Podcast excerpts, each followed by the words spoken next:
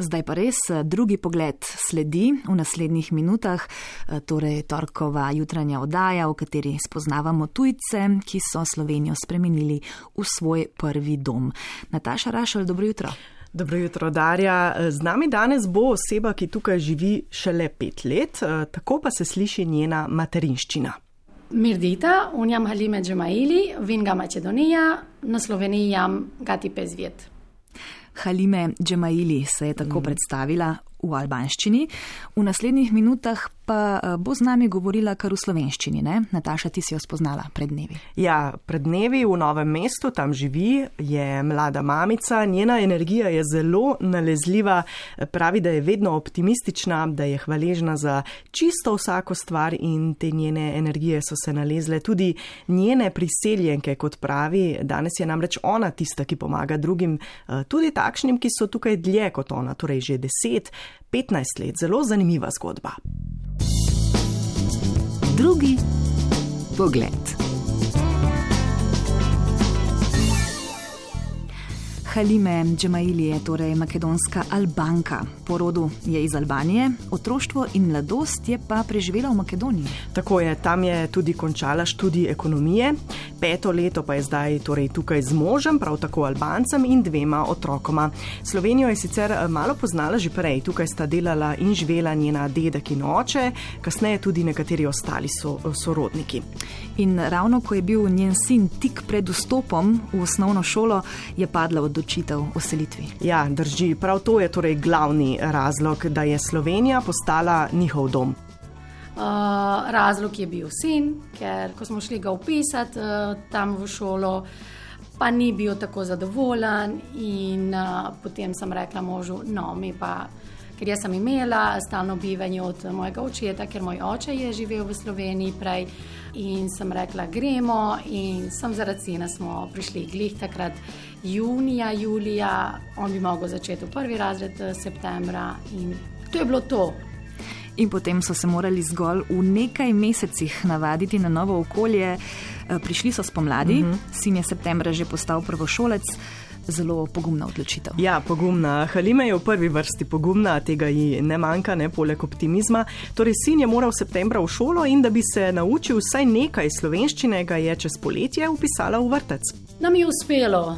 To lahko rečem, da za dva meseca, ko smo imeli časa, da on bo začel prvi razred. Jaz pa, naprimer, ker sem bila zmeraj v šoli, vse petke, desetke, desetke, vse in sem hotela, da še moj sin dobi ta občutek, da bo med najboljšimi. Ne. Res mi je bilo ti strah, med takrat dva meseca pa pol in smo res delali veliko na učenju slovenščine, smo gledali risanke. In uh, ko je začel septembra, jaz sem rekla učiteljici, se spomnim, da, da bo, bo bolj potrpežljiva, da mi smo dva, tri mesece tukaj.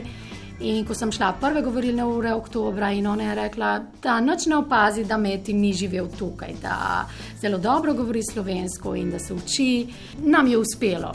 Ja, če si govori tako dobro kot ona, potem je to. Ja, to. pet let.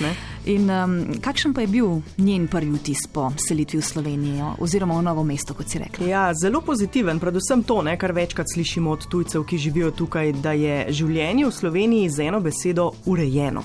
Mi vsi želimo, da pohvalimo našo tam, kjer smo uh, se rodili, to je tako je naše rojno mesto, ampak uh, ni še urejeno življenje tako za vse. Naprimer, tam tisti, ki so v dobri poziciji, politično bom rekla, imajo. Drugi pa je res težko dohajati. In um, vse in tle eni rečejo, da eni imajo tako poznanstva, ampak jaz to ne vidim. Ker če slovenec bi prišel tam in potem bi bil hvaležen, da je tukaj. Ker tle jaz vidim, ne vem, uh, zdravstvo je poskrbeno za vse enako. To manjka, ni, ni, niso urejene moraš privat, če želiš, da dobiš vem, dobro nego in vse. Tukaj pa to, to je, tu vsi imajo, vsi imajo to urejeno. Ko sem jo vprašala o morebitnih slabih ne, izkušnjah, odkar je v Sloveniji, je rekla, da jih praktično nima. Dela pa s tistimi, ki tu in tam naletijo na kakšno oviro po preselitvi v Slovenijo. Halima je namreč kulturna medijatorka, zaposlena v Društvu za razvijanje prostovoljnega dela Novo mesto Je strokovna delavka na programu socialne aktivacije. Uhum, kot si že povedala, pomaga ženskam priseljenkam, predvsem iz Kosova, Severne Makedonije ter Bosne in Hercegovine. Uhum. Kako pa je dobila to službo? Ja, ker se je znašla, eh, hodila je okrog, ker si je upala pravi in se ni bala morebitnih predsotkov, ne, ki bi jih eh, drugi lahko imeli. Na nekaj vrat je potrkala in danes ima redno službo. Eh, prav s predsotki drugih imajo ženske priseljenke, s katerimi dela, največkrat težave. Obstajajo ljudje, ki imajo predsotke za tujce, ko prihajajo. To so zelo malo, ampak tisti, ki so, pa imajo vpliva. In, uh, Klepa mi se zdi, da so bolj, če, če smo primerjavali šole tam in tukaj, pa vidim, da šole ful delajo na strpnost, na sprejetost drugih in vse.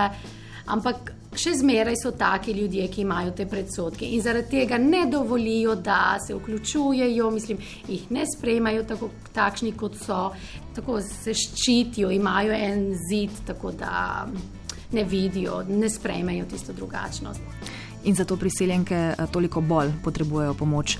Vsaj uh mhm. -huh. tisto prvo spodbudo, da se lahko vključijo v novo družbo, da bodo sprejete. Ja, tisto eno roko, ne? ker edino, kar jim hodi najprej po glavi, je, kaj pa če me bodo čudno gledali, eh, kaj pa če mi bodo rekli ne.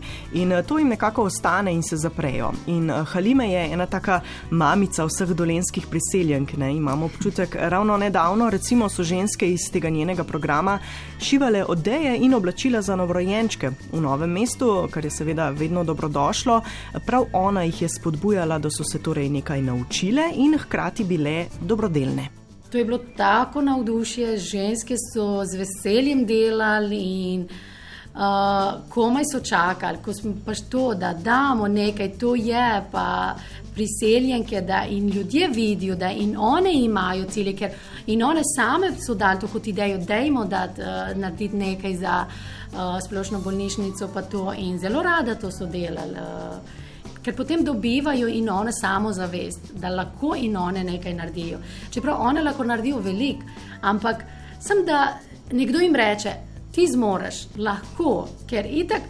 To, ker one so prišle zdaj tukaj v Sloveniji in mi hočemo, nočemo, so del našega, vašega življenja. In uh, zaradi tega je dobro, da jih sprejmemo, da nas sprejmejo in bo lepše življenje. Vem, ker vsi nekaj lahko dajo.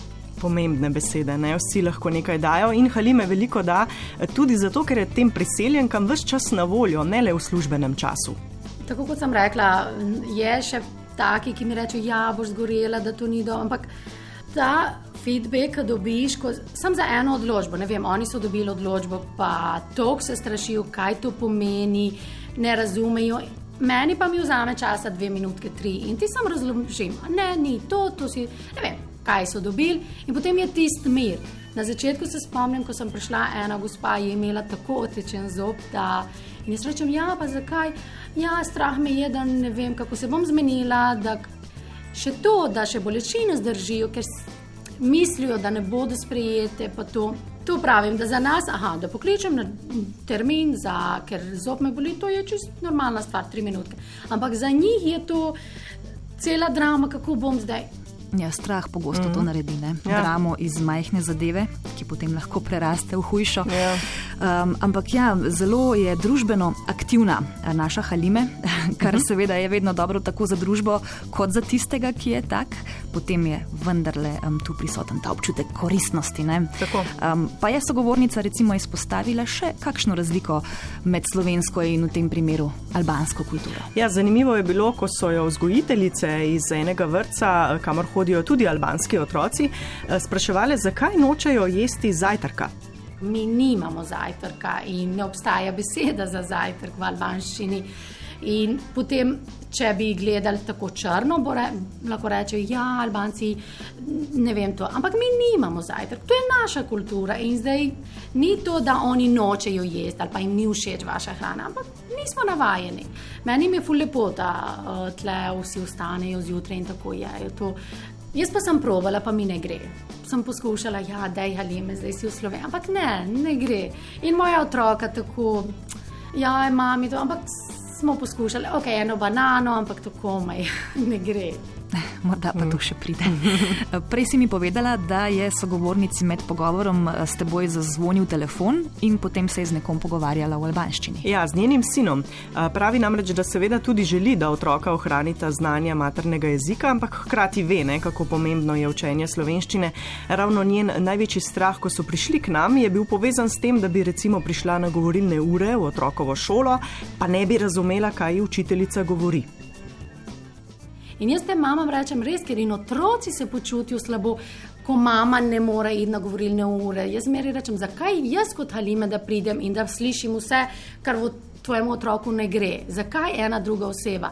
In če bi vsi tako začeli otroka imeti tle pred oči za njega, takrat vem, da vse je mogoče. Vse, vse, vse.